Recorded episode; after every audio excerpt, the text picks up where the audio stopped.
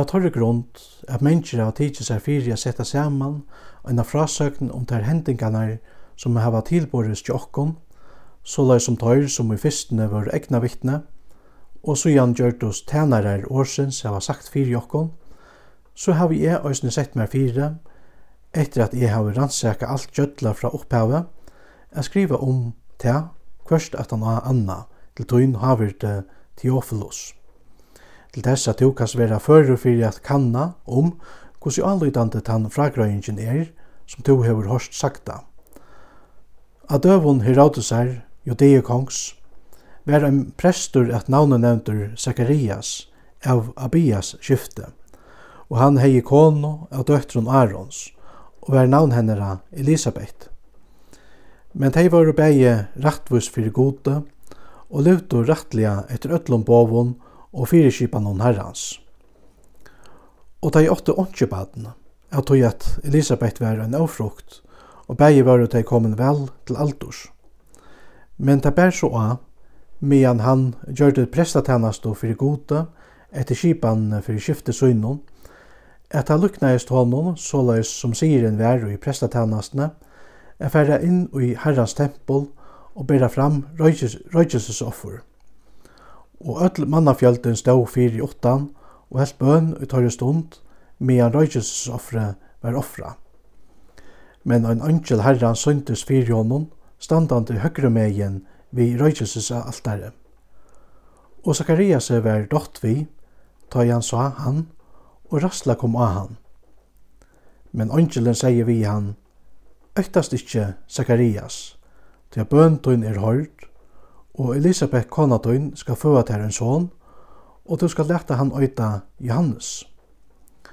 Og ter skal glede og fagnaver vera fire, og mennesker skulle fegnast om føying kansera. Det at han skal vera mykjel fyrir eion herrans. Og voin og sterskan drikk skal han ikkje drekka, og alt fra mauerløyve skal han fyllast av høylaun anda. Og mongon av bøtnon og Israels skal han vende om til herrans, Guds torra og sjálvur skal han genga undan fyrir asjon hansara og i anda og kraft Eliasar. Til þess að venda gjørstun fedrana, av bøttenun og hinun ølutnu at sinnalænun tja rattvusun. Til þess að vinna herranun og et velbyggve folk. Og Sakarias sier vi ønskelen at hverjum skal vita hekta vist, til at er en gammal mævur og konumun er komin vel til aldurs og angelen i og sier vi han, «Jeg er Gabriel, som stander fyrir anlite gods, og er sender ut at tala til tøyn, og at bera til hese gleibøyne. Og så, du skal være malleisur, og ikkje få at tala inntil den dag, da jeg hekta hendur, at fyrir at du ikkje troe åren munnen, som tå skulle genge ut, da jeg tørra tøy er. Og fölkje stå og boia i etter Zakariase, og de undrast iver at han dvølte så lønge i templen Men ta i han kom ut, fekk han ikkje tala til tøyra, og de fatta av ta at han hei seg en sjøen i templen og han gjør det tekjen til tøyra og var verande maleser. Og det hendte, ta i tænast og dier hans herre var og littner, før han heim til Sundsjåls. Men etter hessar dier var Elisabeth kona hans herre vi baden og fjalte seg i fem mannaier og sier, Så løys hever Herren gjørst vi med tar dier, da han løyt til mun, for jeg tekka bostur skammunna mittle manna. Men i sakta manaie var Gabriel angel senter av gode til henne bygd i Galileo, som øyde Nazaret, til henne jaunfru, og i var trolova av manne som eit Josef, av Davids sagt, og navn jaunfrun var Maria. Og angelen kom inn til henne og sier, Høyle vire to, som nage hever finnje. Herren er vit her, to som er svasikna av kvinnon. Men hon var høylt øytafull av hesson åron, og hon hugsa i om hva enda halsan måtte hava tøya. Og angelen sier vi henne, Øktast ikkje, Maria, til at to hever funnet nage tja gode og så du skal vera vi baden og øye en son, og navn hansara skal du kalla Jesus. Han skal vera staurur og vera kallaur sonur hins haksta, og god Herren skal djeva honom hasate Davids fægir sansara. Og han skal vera kongur iver at Jakobs atlar æver, og a kongadømi hansara skal ønsken ende vera. Men Maria sier vi ønsken, hvordan kan hekta bera til, vi ta at jeg ikkje at jeg ikkje veit av mannen. Og ønskjelen sværa jo sier vi hana, høyda i anden skal koma ivet til, og kraft hins saksta skal skugga ivet til, skugga ivet til. Tu skal òsne hitt høyleia som bore ver i heim, vera kalla sonegods. Og så Elisabeth, kylkona tøyn, òsne hon, ber son under belte, og i etle søyne. Og hekte er nu hin sakte manavur, tja henne, som kallar vera en ofrukt, til at tja gode man ikkje nøkker søk vera av gjørli.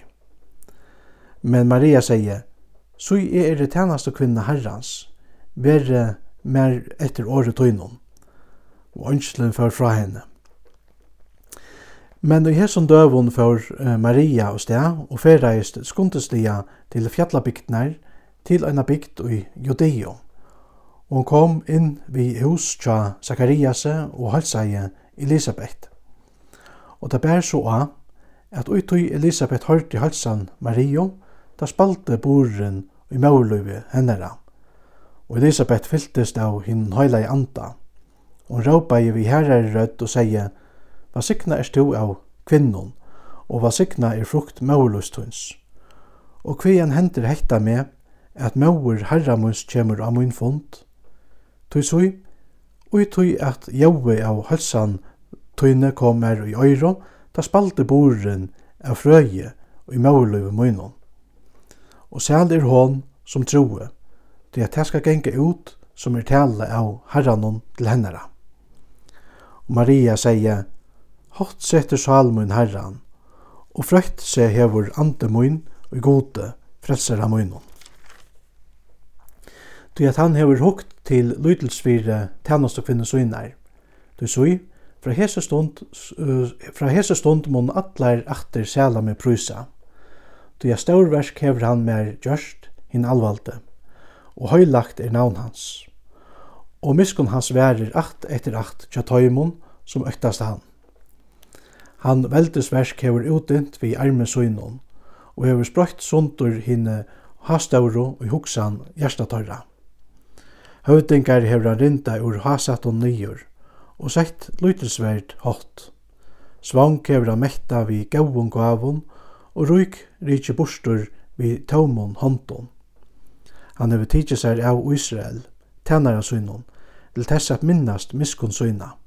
Etter tui, som han talaði til fedravara, møti Abrahamu og avkom i hans allar avr.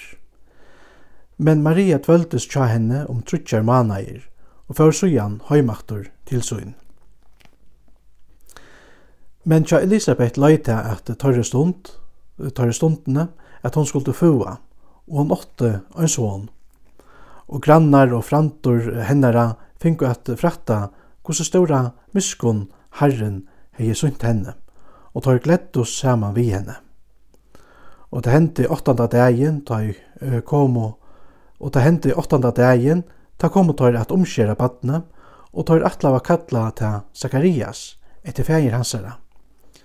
Og maur hansara sværa i og seie, Nøy, men Johannes skal han øyta. Og tøyr søttu vi hana, til ønsken i tøyni akt som ber hetta navne. Men ta gjørt og tekjen til fægir hansara, hva han vilde at han skulle øyta. Og han bæ få seg en talvo og skriva i såleis. Johannes er navn hans herra, og atler undraost. Men i sama vi fengje oppnægist mor hans herra og tunga, og han talaje og lovaje gode. Og økter koma öll som bo her i nånd tja taumon. Og i öllun fjallabygdnon og i Judea var nekv tala om öll hese tøyendene. Og öll som fratt og hekta løtte seg til i djeima og søtto hvert man fer at vera av hesum badne, det at hånd herrans var vi honom. Og Sakarias feir hans herra var fyltur av høylaun anda, og han profetereie om alt det. Lovavur var i herren, god og Israels, til at vitje hever han folksukt, og lost hever han det ut. Og rost hever han okkon eit frelsunar hodden i huset Davids, tænarasons. Såleis som han av fyrndar tøy hever tala vi munne inna høylavo profeta syna. Frelso fra fudgjentun varon og fra håndun allra torra som okkon hekta. Til tess at inna miskun møte fetrun varon og minnast hinn høylaja sottmalasøyn. Øyen tann, som han svår Abraham feir varon at han vilde vøyta okkon. At vi bjerga ur håndun fudgjentavara, øtta leis måtte tæna hånden og i høylaskapet og rattvise fyrir asjon hans atler dier varar. Og to vi, luttla badne, skal vera nevntur profetur hins hagsta, til at du skal genga undan fyrir asjon herrans, a byggva ut veier hans, at djeva fæltje hans kunnløyga om frelso og i fyrirgjeving syndatorra, fyrir gudsvars mildo miskunnar sætjer, som sólaris av høvun himne hefur vidtje okkon vi at lysa fyrir taimon som sita og i myskre og skukka deians. At bøyna eh, foton inn av friarløy. Men badne vaks og var størst og i andanon, og var og i øyemørsknon til tann dagen da han støy fram fyrir Israel.